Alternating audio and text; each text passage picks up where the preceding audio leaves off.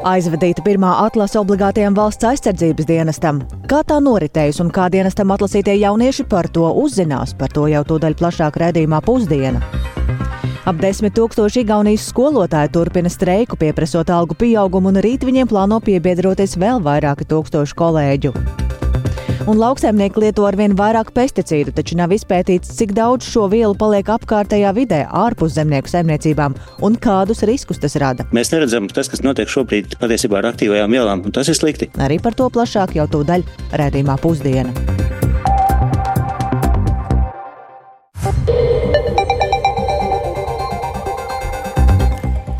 12,5 minūtes par šīs dienas, 23. janvāra būtiskākajiem notikumiem plašākā izklāstā. Turpmākajās minūtēs runāsim raidījumā pusdiena. Studijā Dāca Pēkšēna, esiet sveicināti! Un sākam ar to, ka šodien būtiska diena ir 300 jauniešiem, kuri ir atlasīti valsts aizsardzības dienestam trešajam iesaukumam, 150 no tiem tiks rekrutēti dienestā obligātā kārtā. Līdz šim pietika ar tiem, kas brīvprātīgi pieteicās dienestam, tāpēc šāda atlase ar speciālu programmu pēc nejaušības principu izvēloties 18 līdz 19 gadus vecus jauniešus notiek pirmo reizi. Un vairāk par pašu atlases kārtību un to, kā tad jaunieši uzzinās par to, vai ir izvēlēti, izstāstīs kolēģi Agnija Lazdeņa. Sveika, Agnija! Nu, vispirms tad eh, par, eh, pirms runājam par pašu kārtību, cik kopā jauniešiem šajā trešajā iesaukumā būs jādienē? Labdien! Tātad trešajā iesaukumā šovasar Nacionālo bruņoto spēku sauzemes spēku mehanizētā kainieku brigādē jāsāk dienēt 480 jauniešiem. Tam bija jāpiesakās līdz pērnā gada 1. decembrim, un trešajam iesaukumam tika saņemti 515 brīvprātīgi pieteikumi, no kuriem par derīgiem atzīti 330 jaunieši. Un ar to nepietiek, lai nokomplektētu iesaukumu, tāpēc pieņēma šo lēmumu rīkot atlasi arī obligātā kārtā, un kā skaidru aizsardzību aizsardzības ministrijas valsts aizsardzības dienesta departamenta iesaukšanas plānošanas nodaļas vadītājs Kristers Grauza atlasē pēc nejaušības principa no aptuveni 22,5 tūkstošu liela atlasāmo, atlasāmo saraksta, kas iekļāva šos jauniešus no 18 līdz 19 gadiem un izējot cauri valsts aizsardzības valsts informācijas sistēmu reģistriem ir iegūti aptuveni 3,5 tūkstoši iesaucamo gala saraksts, un tāds skaits ir lielākoties atbiruma dēļ, proti sodāmība, mācās vai dzīvo ār, ārvalstīs un citi aspekti. Un tad attiecīgi no šiem 3,5 tūkstošiem valsts aizsardzības dienestam atlasīti 300 jaunieši. No šiem 300 cilvēkiem es vēlos uzsvērt, ka eh, šeit ir uzlikta rezerve, jo realitātē uz vienību mums ir jāatlasa 150 cilvēki. Tas, ko es vēlos uzsvērt no aizsardzības ministrijas puses, ka eh, nu, šis process tīri tehniskā ziņā ir nodrošināts, viņš ir drošs. Programmatūras dators ir apstiprināts. Mūsu galvenā iestāde Milcers ir sniedzis atzinumu, ka tas ir drošs. Papildus šis dators nebūs pieslēgts nekādiem tīkliem, līdz ar to iespēja ietekmēt eh, atlasi principā nebūs.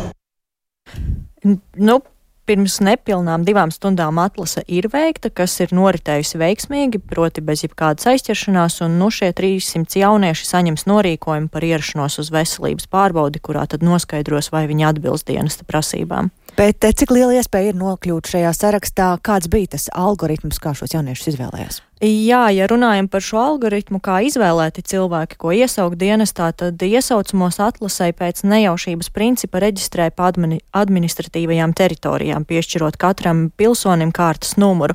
Un minimālais atlasāmo skaits no katras teritorijas ir viens, izņemot gadījumu, ja attiecīgajā teritorijā atlasē nav reģistrēts neviens iesaucamais. Un atlasē ir izveidots šis unikāls gadījumu skaitļu ģenerēšanas rīks, kur programma atlasi veids pēc iepriekš sagatavota iesaukšanai derīgu pilsoņu augšu pielādēta saraksta. Un ņemot vērā, ka šodien šo veikto atlasi varēja vērot gan mediji, gan citas personas, tad visi dati tika anonimizēti un bija iespēja vien redzēt daudzus atlases kārtas numurus, kas starp citu ir ļoti būtiski, jo, piemēram, ja visas 300 eh, atlasītās personas būs derīgas dienestam, tad dienestam izvēlēsies pirmos 150 jauniešus, jo tādas ir šīs vienības prasības, tāpēc arī atlases kārtas numuri ir svarīgi. Un atlasītajiem jauniešiem pavā, pavēstis nosūtīs uz personu e-adresi vai deklarētās dzīvesvietas adresi ierakstītas vēstules formā no 26. janvāra līdz 1. februārim.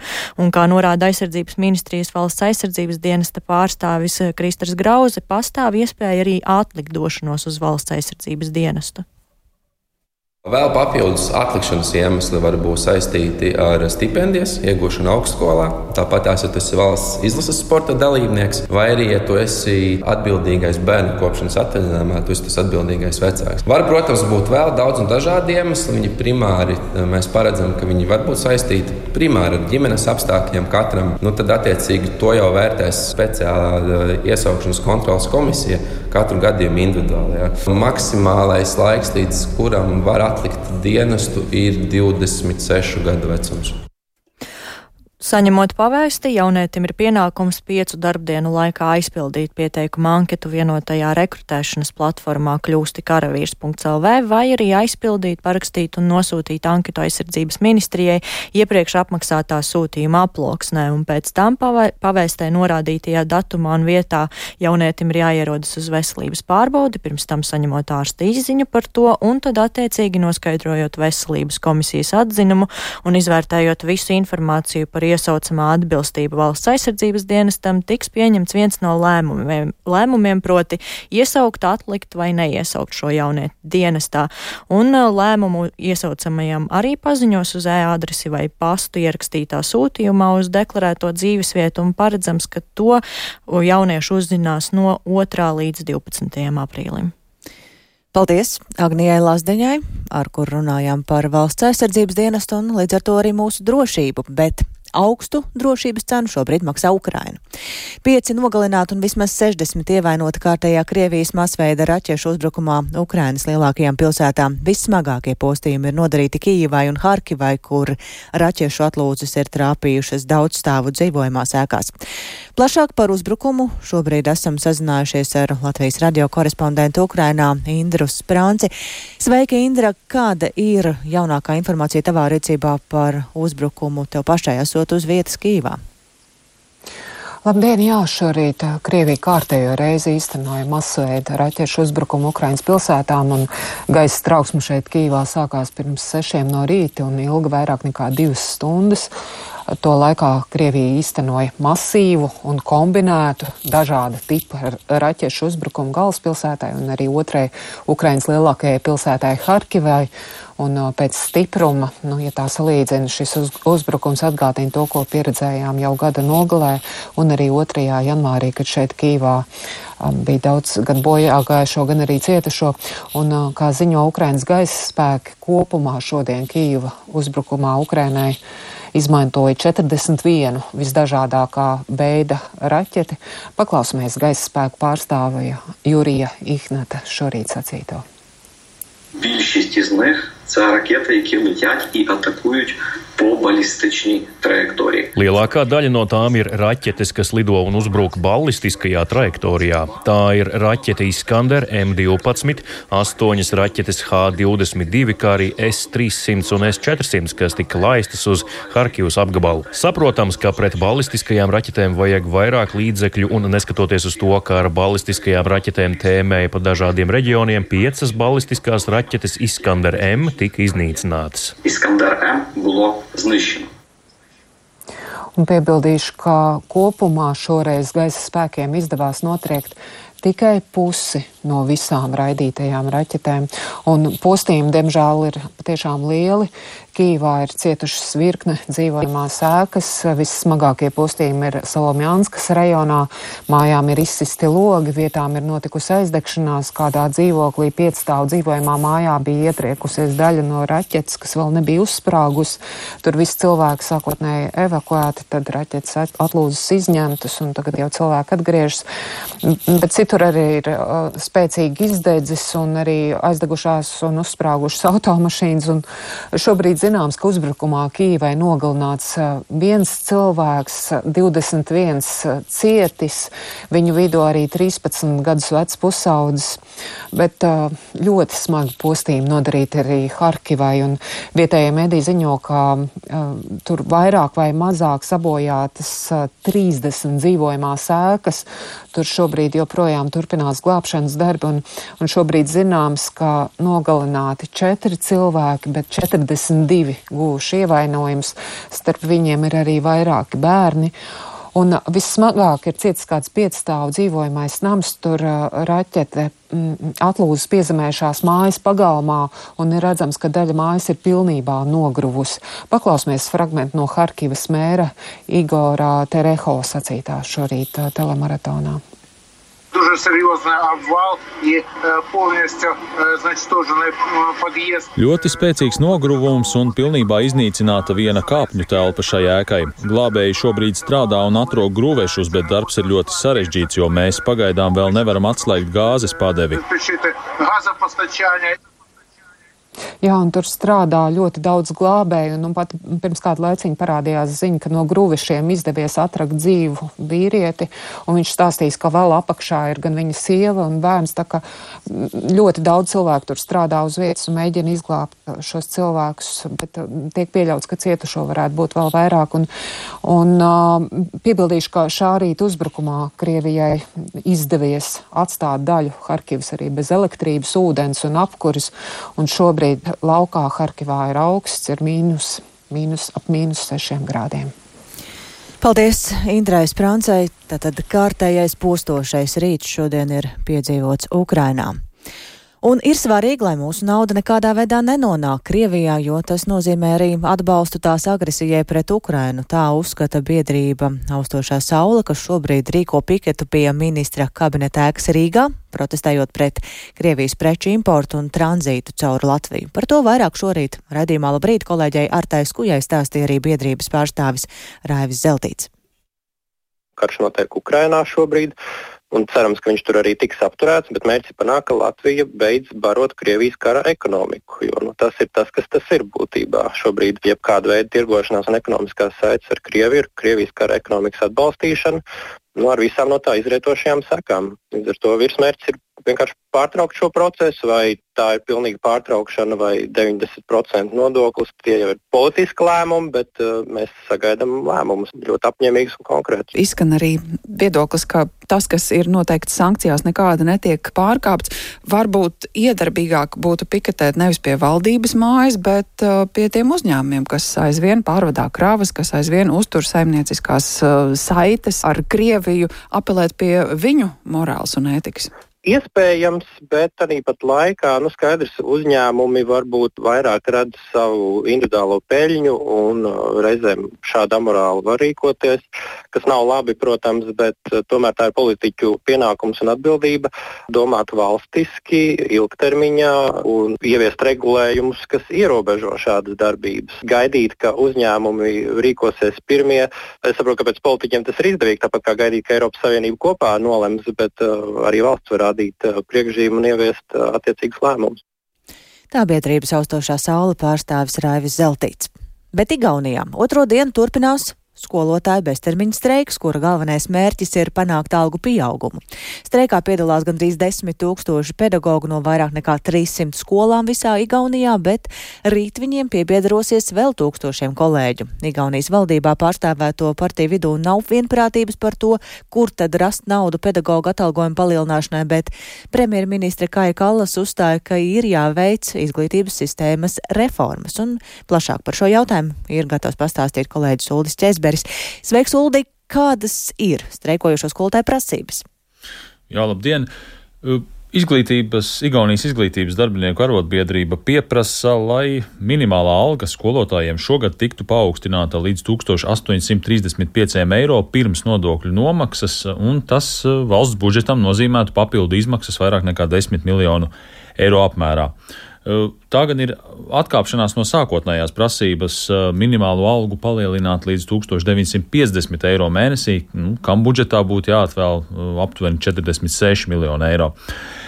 Pedagoģu arotbiedrība arī pieprasa nekavējoties uzsākt darba koplīguma slēgšanu uz nākamajiem trim gadiem ar mērķi, ka skolotāju vidējā alga līdz 2027. gadam sasniegtu 120% no valstī vidējās samaksas.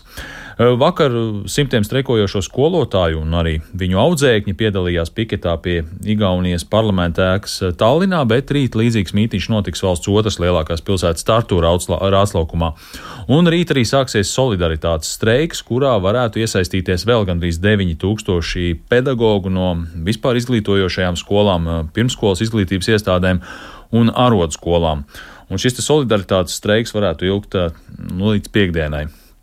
Tallinas Lēnemeres gimnāzijas direktors Denis Presņecovs uzskata, ka šis streiks ir nepieciešams, lai pievērstu uzmanību nepilnībām izglītības sistēmā, jo daudzi skolotāji ir pārstrādājušies, bet par arvien nopietnāku problēmu kļūst pedagoģu trūkums.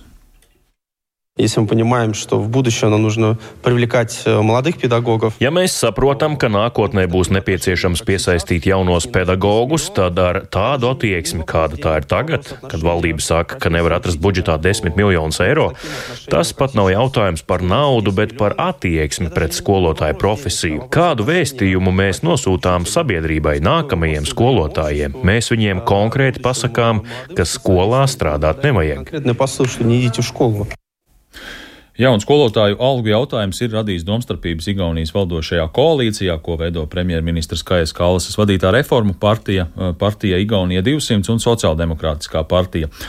Iekšlietu ministrs Laurija Lēnemets no Sociāldemokrātiskās partijas ir ierosinājis palielināt nodokļus turīgākajiem Igaunijas iedzīvotājiem, nu, kā arī samazināt ministriju izdevumus, lai tad iegūtu naudu pedagoģu minimālās algas celšanai.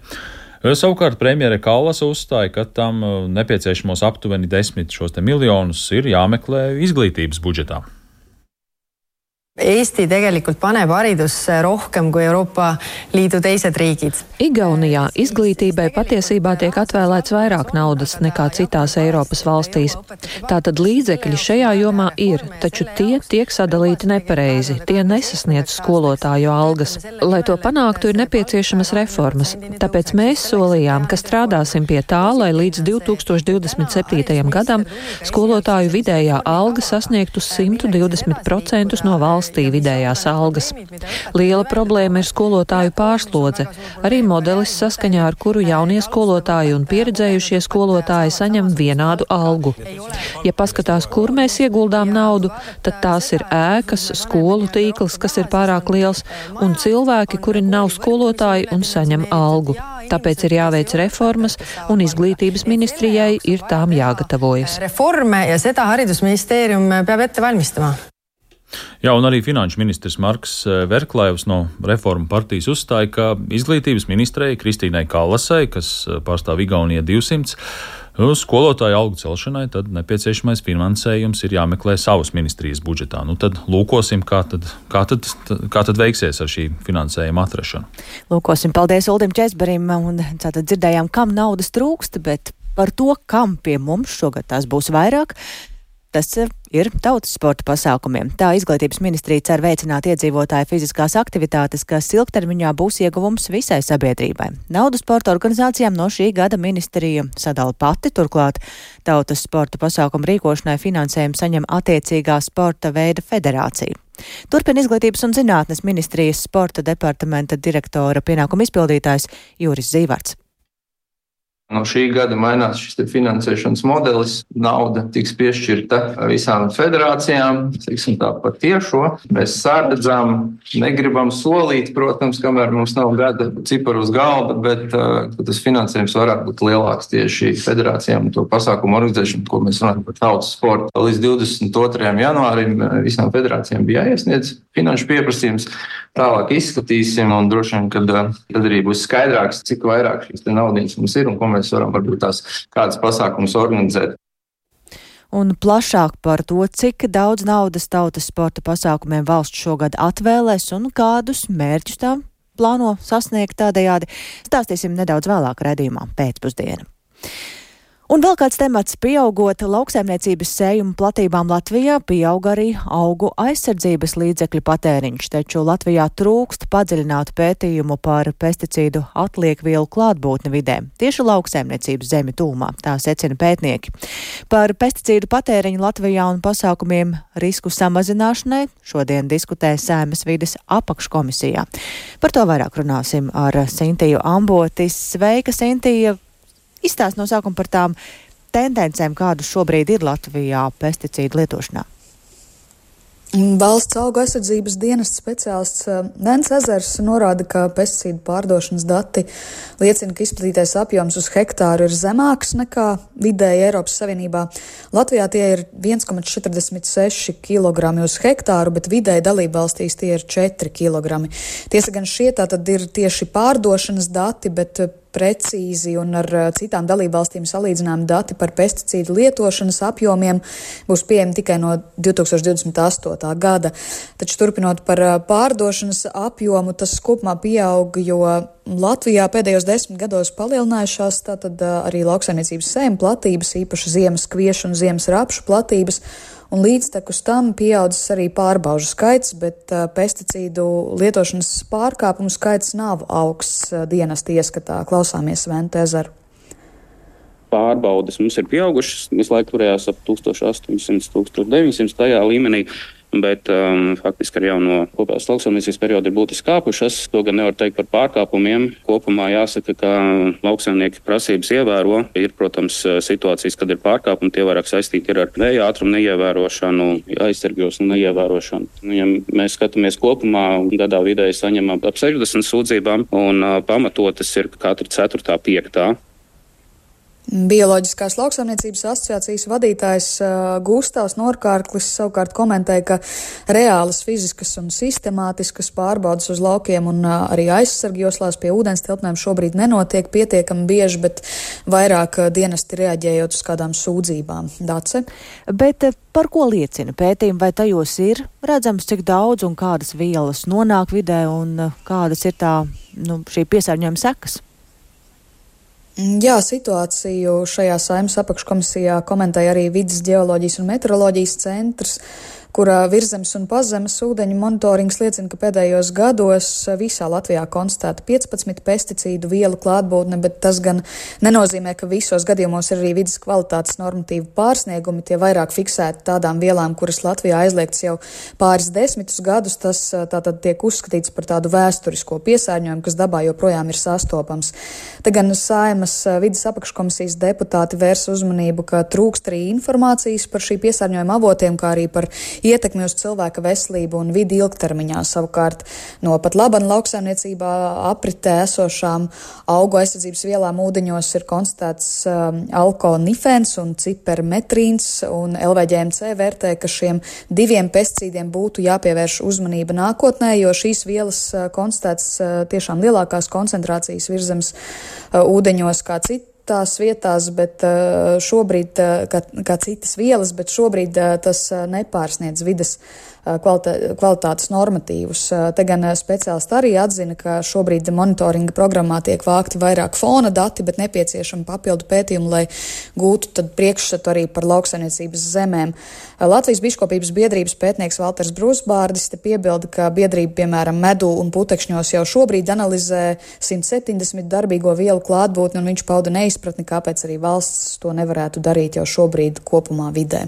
Paklausāmies Brūsbārdu. Tas tomēr man nav saprotams, kādai valsts nevar atļauties, un tur nav liels šķirbs arī finanšu pusē starp monitorēšanu uz dažām vielām un monitorēšanu uz pilnu buķeti. Faktiski mēs šobrīd redzam vēsturisko papildu pamatā fokus viss ir uz vēsturisku piesārņojumu, tai pašā laikā mēs nevēršam uzmanību tieši uz tām darbīgām vielām, kuras mēs šodien masīvi lietojam.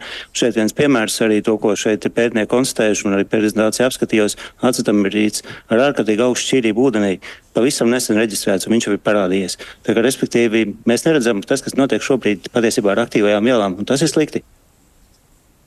Tikmēr zemkopības ministrijas ieskata atbildīgie dienesti pat labam darbojas apmierinoši un nav plānots kādu kontroļu pieaugums, lai, lai nevairotu birokrātiju. Taču Saimnes vidas apakškomisijā par pesticīdu lietošanu plānots turpināt sarunas 6. februārī, kad eh, lielāks fokus būs arī uz šo vielu ietekmi uz bišu un cilvēku veselību. Dace? Paldies Sintējai Ambotē, tātad sarunas turpināsies, bet um, šovadien arī tu mums deva lielāku skaidrību tātad par pesticīdu lietošanu Latvijā. Un ar to tad arī izskan raidījums pusdiena. To producēja Ilze Agīnta, ierakstus montēja Renāša Steimanis, par labskaņu rūpējās Rīta Karneča un ar jums sarunājās Dāca Pēkšēna. Vēl atgādināšu šīs dienas būtiskākās ziņas aizvadīta pirmā atlase Obligātajam valsts aizsardzības dienestam 300 jauniešu pēc trim dienām sāks saņemt pavēstis, lai dotos uz veselības pārbaudu, un pēc šīm pārbaudēm atlasīs 150, kuriem būs jāsāk dienests. Pieci nogalināti un vismaz 60 ir ievainoti kārtējā Krievijas masveida raķešu uzbrukumā Ukrainas lielākajām pilsētām. Vissmagākie postījumi ir nodarīti Kīvai un Harkivai, kur raķešu atlūzas ir trāpījušas daudz stāvu dzīvojamās ēkās. Un ap desmit tūkstoši Igaunijas skolotāju šodien turpina streiku pieprasot algu pieaugumu, un rīt viņiem plāno piebiedroties vēl vairāki tūkstoši kolēģi. Redījuma pusdiena var klausīties arī jebkurā sevērtā laikā, tad ir jāatver Latvijas radio mobilā lietotne un jāsameklē dienas ziņas, un tāpat arī Latvijas radio ziņām var sekot līdzi sabiedrisko mediju ziņu portālā LSMLV un arī var meklēt Latvijas radio kontus sociālajos tīklos. Uz tikšanos atkal rīt! Yeah.